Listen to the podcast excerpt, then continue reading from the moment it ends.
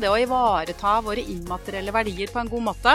Sørge for at vi har en IP-strategi på plass, også hos tidligfaseselskaper, og sikre når det er nødvendig. Her kan Norge bli veldig mye bedre.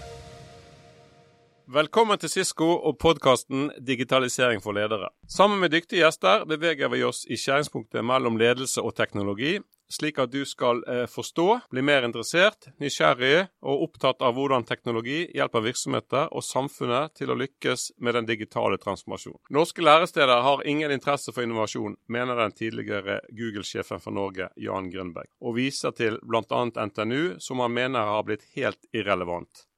Og han har kanskje et poeng. Nylig havnet Norge på sisteplass av de nordiske landene i en global rangering når det kommer til vår evne til å innovere. Vi ligger langt bak våre venner i Sverige, Danmark og Finland. Kanskje fordi vi er søkkrike, feite og fornøyde. Intet incitament for å endre oss, med andre ord. For det er jo en kjent sak at vi sjelden endrer oss før vi må. Samtidig vet vi veldig godt at det snart kommer en dag hvor inntektene skal skapes av andre ting enn olje og gass. Hva det kan bli, blir jo spennende. For å snakke om innovasjon, så har vi fått besøk av direktøren for Patentstyret, Katrine Myhre. Katrine var inntil 2021 administrerende direktør for Norway Health Tech, som hun etablerte tilbake igjen i 2009. Og mens podkasten vår beveger seg i skjæringspunktet mellom ledelse og teknologi, jobber Katrine i skjæringspunktet mellom innovasjon, forskning, kommunisering og forvaltning. Katrine har til syvende og sist ansvar for at norske virksomheter styrker egen innovasjon, investeringer og konkurransekraft ved bruk av immaterielle rettigheter.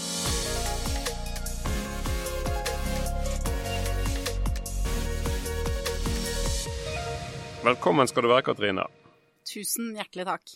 Jeg nevnte skjæringspunktet to ganger og kniven på strupen én gang.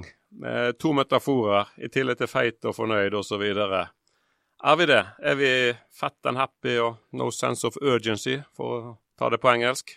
I de samtaler jeg har med ledere, egne ansatte, virksomheter der ute, så er det stadig flere som nevner sense of urgency. Eh, og så er vel jeg skrudd sammen sånn, da, at eh, ja, jeg tenker at jeg uh, liker å se ambisjonene og mulighetene, og selv får jeg masse energi av det, og må ikke ha en krise for å klare å mobilisere. Så jeg velger vel å tenke at det er også andre ting enn krise eh, som gjør at vi kan bevege oss eh, i riktig retning, både når det gjelder utvikling av kunnskap og teknologi, eh, omstilling av eh, offentlig sektor og ikke minst også næringsutvikling, eh, kommersialisering eh, og eksport, for også å putte en viktig sak på bordet. Ja, eksport eh, skal vi komme litt tilbake til. Eh, men som jeg nevnte innledningsvis, så ligger Norge langt bak eh, våre nordiske naboer når det kommer til innovasjon. Og Cisco la jo også for kort tid frem en undersøkelse som viser at Norge har svakere forutsetninger for å lykkes med digitalisering enn våre naboer. Og en av de viktigste årsakene til det var knyttet til vår egen humankapital så har Jan Grønbæk da rett i at utdanningsinstitusjoner har mistet sin relevans, og at det er noe av årsaken til at vi stuper på den innovasjonsindeksene? Jeg har jobbet tett på forsknings- og utdanningsinstitusjonene. Eh, kanskje først og fremst ved Universitetet i Oslo, og vet at de prioriterer innovasjon. Eh, de liker i hvert fall å si, si det. De går veldig aktivt inn i det nye innovasjonsdistriktet, Oslo Science City. Eh, det er høyt engasjement og hos enkelte av de ansatte. Professorene på Universitetet i Oslo er veldig høyt eh, på banen. Det samme gjelder Trondheim. Men så er det også sånn at sånn som i hvert fall jeg husker hvordan budsjettene til universitetene var satt sammen. Du, der hva skal jeg si? Det er, det er, som hos alle andre offentlige sektorer. Det er, der hvor du, det er det tildelingsbrevet sier at du skal satse på, og det er der hvor du får penger, eller får poeng og penger i etterkant fordi du har prioritert noe. Det styrer også prioriteringene til denne type virksomheter. Så eh, jeg tror nok at alle universitetene er opptatt av innovasjon. De er opptatt av utdanning av kandidater som kan bidra til eh, innovasjon eh, og næringsutvikling. Og så kan det godt være at man bør ha ytterligere dialog med Kunnskapsdepartementet og regjering for ordentlig å få det prioritert på riktig vis. Ja, Så du mener at mens, mens Danmark, Sverige og, og, Finland ligger inne på topp ti, og Norge ligger på ned på 20.-plass, så, er det, så er det, skyldes det manglende bevilgninger, da? Ikke bare det. Det er denne Global Innovation Index og 2021 eh, som vi, som vi nå sitter og omtaler, hvor Norge havner på 20.-plass. Sveits er på første, Sverige er på andre. Eh, Island, eh, som det siste nordiske landet utenom Norge, ligger på 16.-plass, og vi havner som sagt på 20.-plass. Jeg har gått inn og, jeg skal ikke si 100% detaljstudert denne statistikken, men mye tyder på at ta Sverige, de har et mye mer komplett innovasjonsøkosystem. Så når de sier at de skal satse på bilindustri, da, eh, så har de mest sannsynlig satset fra forskning testing, verifisering av produktutvikling. De har altså som sørger for at kommer det resultater ut av forskningen, så de, fanger de opp det eh, med tanke på videreutvikling. Og så følger det helt sikkert med bevilgninger også hele denne fasen. Hvis vi ser på Norge, så har vi deler av det økosystemet gått på plass, men ikke alle deler. Eksempel privat kapital eh, viser også denne indeksen. Her scorer Norge veldig lavt, veldig dårlig. Eh, og eget område også, det å ivareta våre immaterielle verdier på en god måte. Sørge for at vi har en IP-strategi på plass, også hos tidligfaseselskaper, og sikre når det er nødvendig. Her kan Norge bli veldig mye bedre. Men betyr, betyr dette at vi er dårlige på å ivareta vår, eh, vår egen IP, da, eller? Vi kan bli bedre. Eh, vi ser vel det at, og det vet vi jo, er du et tidlig fase oppstartsselskap, så er det ekstremt mange ting du skal ta i vare. Det er vel kanskje først de siste, ja, la oss si 8, 10, 12, 15 årene at også Norge har fått ordentlig sving på dette med å starte selskaper i tidlig fase. Men like fullt, det er mange ting du skal håndtere. Det er mange ting du skal bruke de få kronene du har til rådighet på. Og når vi vet at uh, vi fortsatt mangler eh, investeringskapital, veldig mange selskaper uh, Det er en av de store utfordringene, ikke sant, få tak i den investeringskapitalen. Så når begynner du å sikre rettighetene dine, eller verdiene dine, gjennom rettighetssikring eh, med patenter og varemerkebeskyttelse, designbeskyttelse? Eh, det er ganske komplekse og kunnskapskrevende saker. Eh, og mange velger da fort å dytte på det i, i parallell med alle de andre tingene du skal fikse på. Det må vi gjøre noe med. For hvis vi skal ha internasjonal, nasjonal konkurransekraft, men ikke minst internasjonal konkurransekraft, så er det nødt til å ha god IP-strategi og, og, ta i vare de immaterielle verdiene dine på en god måte. Men hvor får selskapet tak i den kompetansen som du nevner der, da? Den kan de f.eks. få hos Patentstyret. Så bra. Ikke sant? Vi kjører eh, Vi har masse kurs. Vi har et veldig bra kundesenter. Du kan ringe inn og få god hjelp. Er faktisk kåra til det beste offentlige kundesenteret nå i 21, og det var tredje år på rad vi ble kåra som det beste offentlige. Tre, tredje i Norge på sammenlignet med hoteller og alle andre kundesentre også. Eh, så det sitter mye eh, kompetanse i Patentstyret som vi prøver å utnytte og bruke i alle mulige sammenhenger. Det høres jo veldig bra ut, men det betyr at kompetansen er jo der? Kompetansen er her i Norge. Og jeg må også slå et slag for den, det vi kaller for IP-rådgiverbransjen. Sant? Patentkontorene, det er masse advokatkontorer også som har IP-kompetanse, høy IP-kompetanse. Når det er sagt, så er det behov for å utvikle, å si, utdanne nye mennesker med den kompetansen, og opprettholde og videreutvikle den kompetansen. Så det er ikke noen sånn eh, Vi kan ikke hvile på noe laurbær her, nei. Men eh, regjeringen har jo vært tydelig også på at vi ikke skal avvikle, men utvikle norsk olje- og gassindustri i årene fremover. Er dette godt, eh, gode nyheter eller dårlige nyheter ut ifra et innovasjonsståsted? Det vi vet, er at inntektene fra olje og gass de kommer til å gå ned. Vi vet at utgiftene til, eh, over, i hvert fall til offentlig sektor kommer til å øke, først og fremst pga. økte demografiske endringer. Altså flere, større andel av oss blir eldre. Jeg hørte her om dagen at hver sjette person i Norge faktisk nå er pensjonist. Det tallet kommer til å bare øke. Og eh, vi liker jo det samfunnet vi lever i nå, med utdanning og vei, vann, kloakk, som jeg pleier å si. Eh, helsetjenesten vår, ikke minst. Og skal vi opprettholde dette, så må vi skape flere næringsbein å stå på. Det jeg pleier å si, er at eh, Eller hvordan har vi havna her at vi kanskje ikke har veldig mange industrier å stå på? Altså, da vi fant olje og gass, så valgte norske myndigheter å prioritere det å eh, utvikle en sektor for å hente opp den olje og gassen på både effektiv og god måte. Og det har vært en veldig riktig prioritering. Men nå må vi, nå må vi bredde oss ut i, eh, i, flere segmenter. Og da tenker jeg at det å kunne stå på skuldrene av nettopp olje- og gassektoren er kjempebra.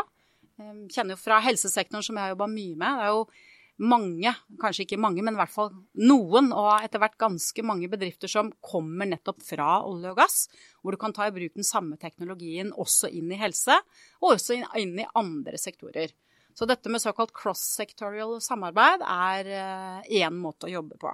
Ja, Ref det du nevnte med, med innovasjonstakt i Sverige også. Vi må jo ha veldig mye innovasjonstakt i Norge også, basert på akkurat nettopp olje og gass. Og alt omkringliggende eh, infrastruktur til olje- og gassnæringen.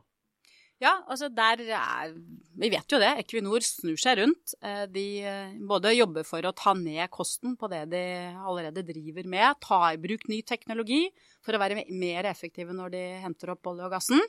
Eh, men så satser de også på nye områder. Havvind som ett eksempel på det. sant? Og det som jeg tenker er viktig i forhold til dette med hva er de nye næringene til Norge Jeg liker å ha sett veldig klart, ikke minst i forhold til helsesektoren. Hvis vi kikker litt frem, jeg kan ta nåtiden også, men kikke fem år fram i tid, ti år fram i tid, 15-20 år fram i tid, hvor er de store, komplekse problemstillingene som vi er nødt til å løse? Samfunnsmessige eller globale utfordringene. Eh, det er jo en veldig god pekepinn på også hvor vi som Norge, som nå er en kunnskaps- og teknologinasjon, også bør snu eh, nesa, rett og slett. Da, i forhold til, eh, da, da er, Der er det et uforløst potensial. Det er rett og slett en markedsmulighet for vårt næringsliv. Ja, å bruke, bruke teknologien til å håndtere den eldrebølgen på en mye bedre måte enn i dag. Det er jo et eksempel. Og siden jeg kan helse, og vi nå er inne på helse Det ene er jo eldrebølgen.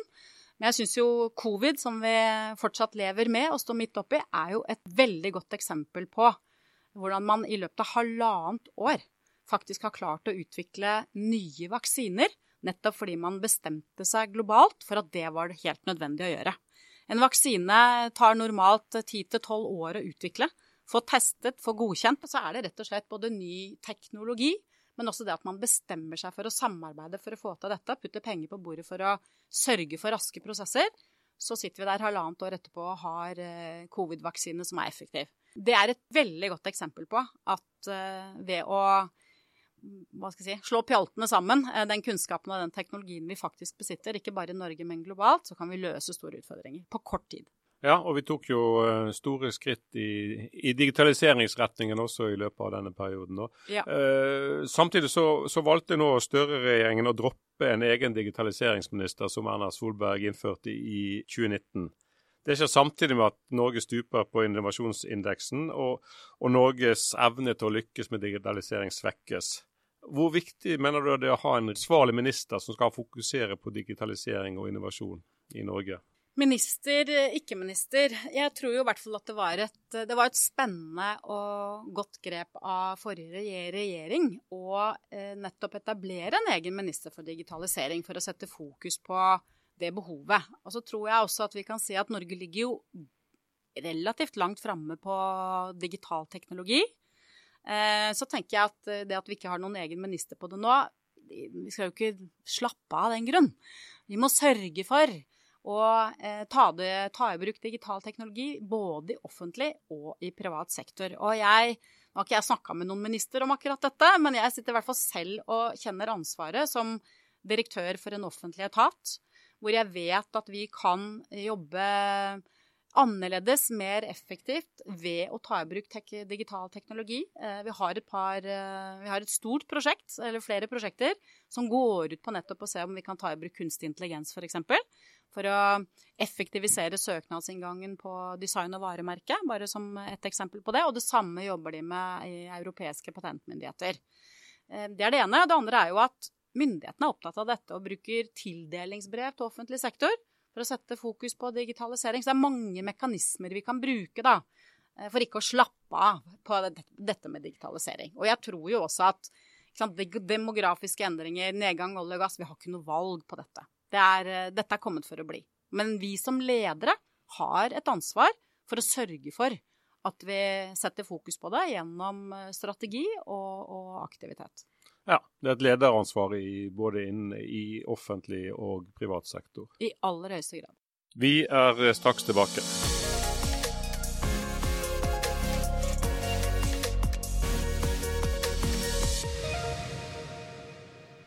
Men, men, for å innovere innenfor teknologi og digitalisering, så trenger vi både kunnskap og kompetanse til det. Og Det er jo en kjensgjerning at det er vanskelig og utfordrende å rekruttere folk innenfor, spesielt innenfor IT-bransjen, men, men, generelt også. Og, og, Hvis universitetene ikke henger med og det tar tid å utdanne mennesker, hvordan tenker du å få opp rekrutteringen, eller få, sørge for at vi har nok kompetanse til å gjennomføre dette i årene fremover? da? Ja, Det er et veldig godt spørsmål. Og tilbake til denne indeksen vår, da, eh, denne Global Innovation Index, så er jo dette et av de områdene hvor Norge scorer ganske dårlig. Altså vi utdanner ikke nok teknologer. Jeg er veldig opptatt av denne indeksen, for det er så fint når noen andre benchmarker oss utenfra. sant? Og ikke minst vi får sammenligning med våre, de landene vi liker å være på, på linje med, og ser at vi er dårligere enn. Eh, så det å sørge for at myndighetene våre hører dette, eh, at vi faktisk går i dialog med de, altså universitetene og høyskolene som utdanner teknologer. Hva er det vi har behov for? Her ser vi også det at det samspillet mellom utdanningsinstitusjoner, altså forsknings- og utdanningsinstitusjoner og næringslivet kan også bli mye bedre. Hvor ofte stiller, stilles det spørsmålet fra universitetene til næringslivet? Hva er det næringslivet egentlig har behov for? Og hvor ofte deler næringslivet sine utfordringer med universitetene. Og jeg velger å tegne den broa. Den går begge veier. Det er, bare, det er ikke en sånn enveissak, det er en toveissak. Og de arenaene for det å dele denne kunnskapen om hva er behovet, eh, det tror jeg, det tror jeg er et eh, det er én måte da, å eh, sette fokus på behovet. Samtidig så vet vi jo det. Det er, det er der hvor også ministeren velger å prioritere studieplasser Eh, det kan være så enkelt som det. Da er det i hvert fall enklere for utdanningsinstitusjonene å prioritere de, disse områdene som det er eh, etterspørsel etter. Når det er sagt, da, jeg har veldig troa på de unge menneskene. Kommer eh, universitetene med spennende linjer, altså nye studieretninger eller kombinasjon av eksisterende, som setter fokus på det Norge har behov for i nå og i framtida, så vil de unge de vil finne disse studieplassene. Eh, så, sånn sett så har jeg veldig troa på den unge generasjonen. De følger med. Er mye mer kompetente rent digitalt enn det jeg er, som litt over 50. Og så må vi stille oss spørsmål, da. Må vi faktisk hente kompetanse utenfra? Ja, det, da er vi vel litt tilbake til den eh, innovasjonstakten hos uh, universitetene og høyskolene. da, Ser de nok i krystallkulen på hvilke behov vi har om 10-15 år, da, innenfor hvilke yrker? Det finnes sikkert mange titler som ikke vi engang har, eh, vet finnes i dag, da? Jeg sitter ikke tett nok på universitetene til å svare på hva de gjør og hva de ikke gjør. Men eh, det spørsmålet du stiller er veldig viktig. Kanskje jobber vi fortsatt litt for mye i silo. Kanskje må vi få på plass de arenaene som gjør nettopp at eh, vi samsnakker om hva behovet vårt er. Næringslivet deler sitt, sitt, sitt behov. Og universitetene er faktisk lydhøre for hva det er eh, næringslivet sier at de har behov for. Eh, men ta også med offentlig sektor. Vi har en stor offentlig sektor i Norge. Og hva offentlig sektor også har behov for, er kjempeviktig.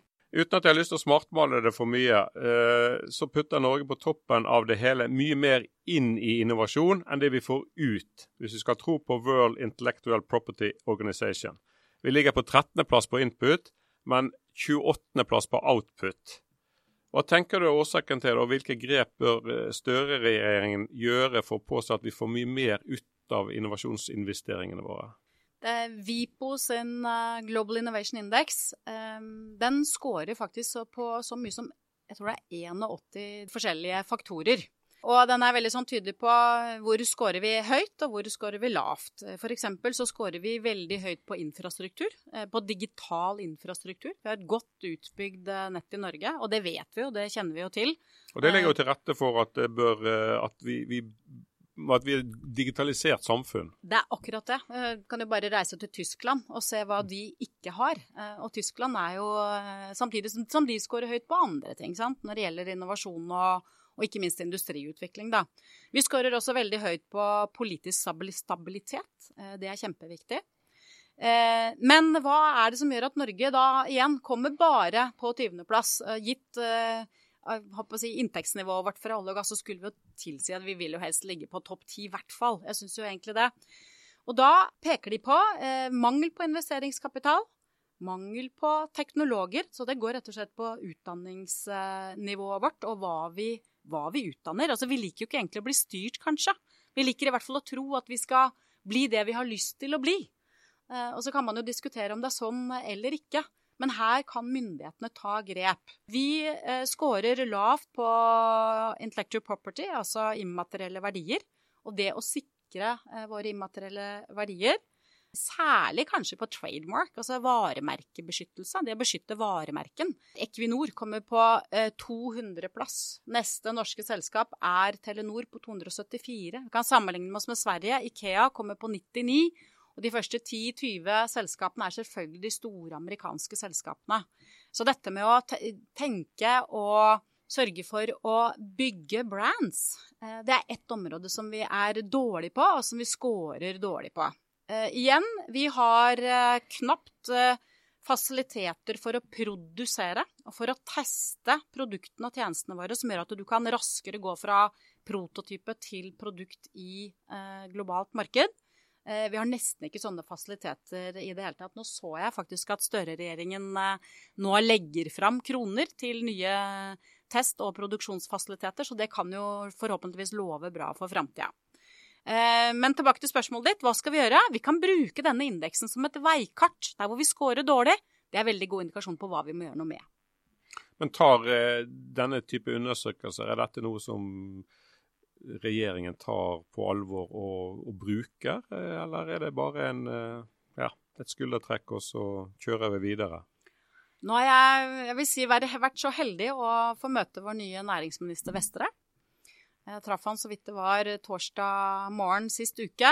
Eh, og vi har i hvert fall en næringsminister som både selv vet hva som kreves for å lykkes med næringsutvikling, Eh, litt mer sånn håndfast, det å produsere møbler, enn hva digital teknologi er.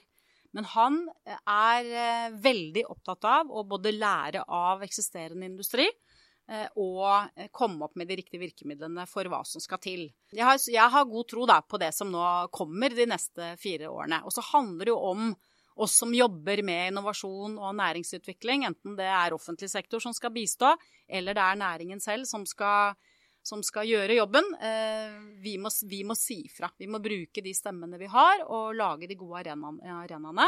Og være tydelig i budskapet vårt på hva det er behov for. Men Her vi sitter nå, så foregår det jo ganske mye innovasjon. Altså For ti, litt over ti år siden så kjøpte jo Cisco opp Tandberg. Eh, og, I kjølvannet av det oppkjøpet så har det jo vokst frem et, et, egentlig et verdensledende kompetansemiljø eh, på videoløsninger i Norge. Eh, også kjent som Video Valley.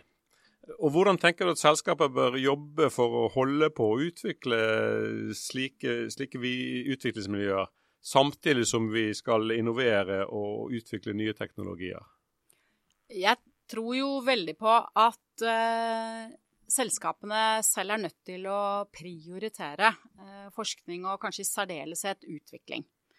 Rekruttering av de riktige menneskene uh, er selvfølgelig viktig være i dialog med forskningsinstitusjonene som utdanner disse menneskene. Man vet sikkert hvem konkurrenten er, men eh, hva kan man dele eventuelt med også andre aktører der ute? Eh, dette er, dette er i hvert fall noen elementer. Men det å være sultne på framtida, kikke fremover Cisco er jo et glitrende eksempel på hva dere har fått til. Og kanskje er det til og med til og med en eh, litt sånn skjult diamant. Den historien om hva man har fått til. Og dette Video Valley eh, Jeg er heldig å ha fått litt innsikt i det. Eh, men jeg tenker at det å fortelle mer om Spre det budskapet. Hva var det man gjorde? Hvilken filosofi var det man la til grunn? Igjen tilbake til lederne i selskapet. Hva er det de har prioritert?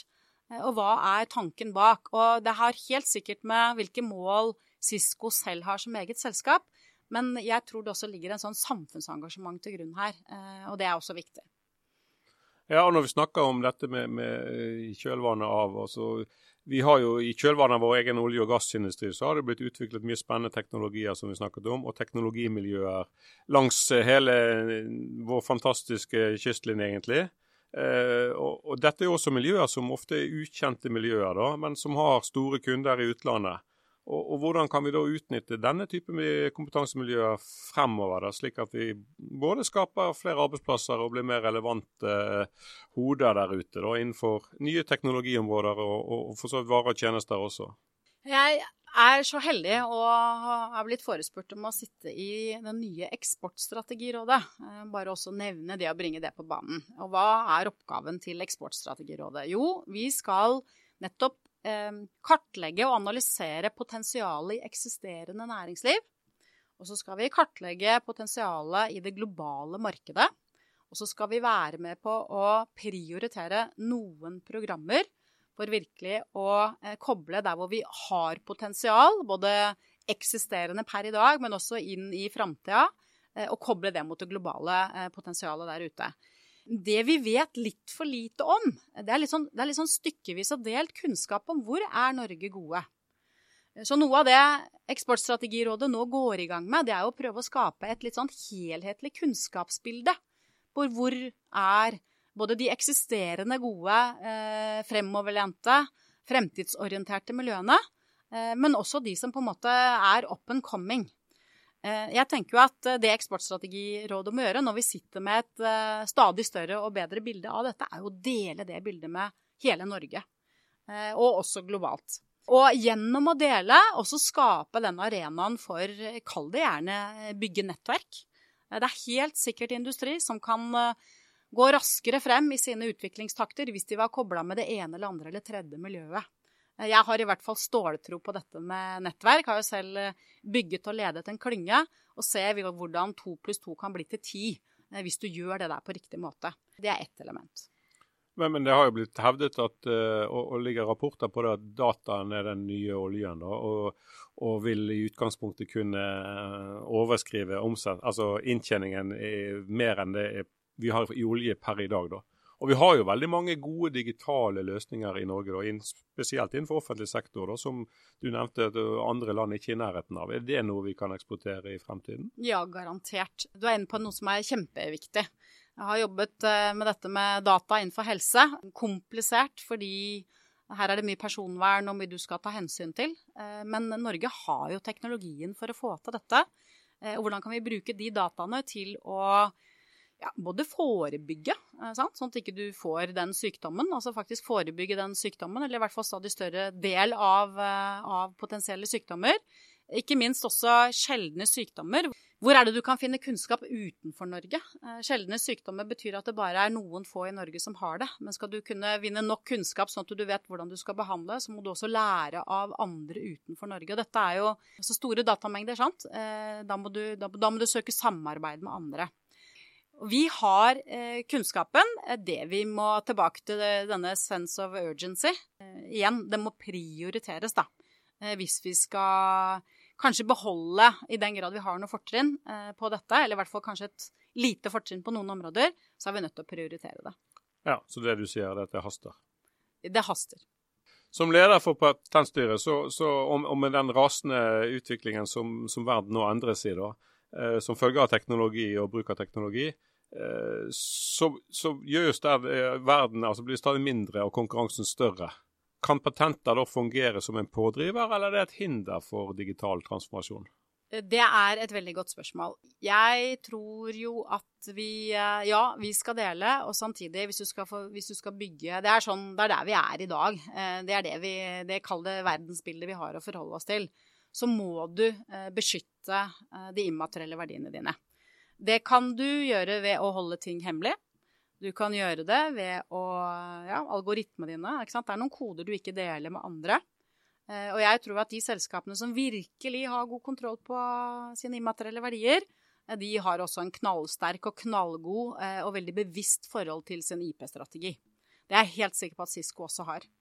Og som en del av det, så er det jo noe Altså det å dele. Det å dele noe, men være bevisst på hva man deler, det kan jo også sørge for at du får samarbeidspartnere som kan bringe deg ut både i de globale markedene som du ønsker å være i, eh, men ikke, deg, ikke minst også gi deg fortrinn eh, der hvor du ønsker ha fortrinn. Så det er en kombinasjon av, vil jeg si. Hva tror du mest av alt kommer, at vi kommer til å jobbe med i, i 2022 for at Norge skal komme seg opp av ut av den innovasjonsmyren, om vi skal bruke det uttrykket, slik at konkurransekraften vår ved hjelp av immaterielle rettigheter eh, blir eh, signifikant styrket?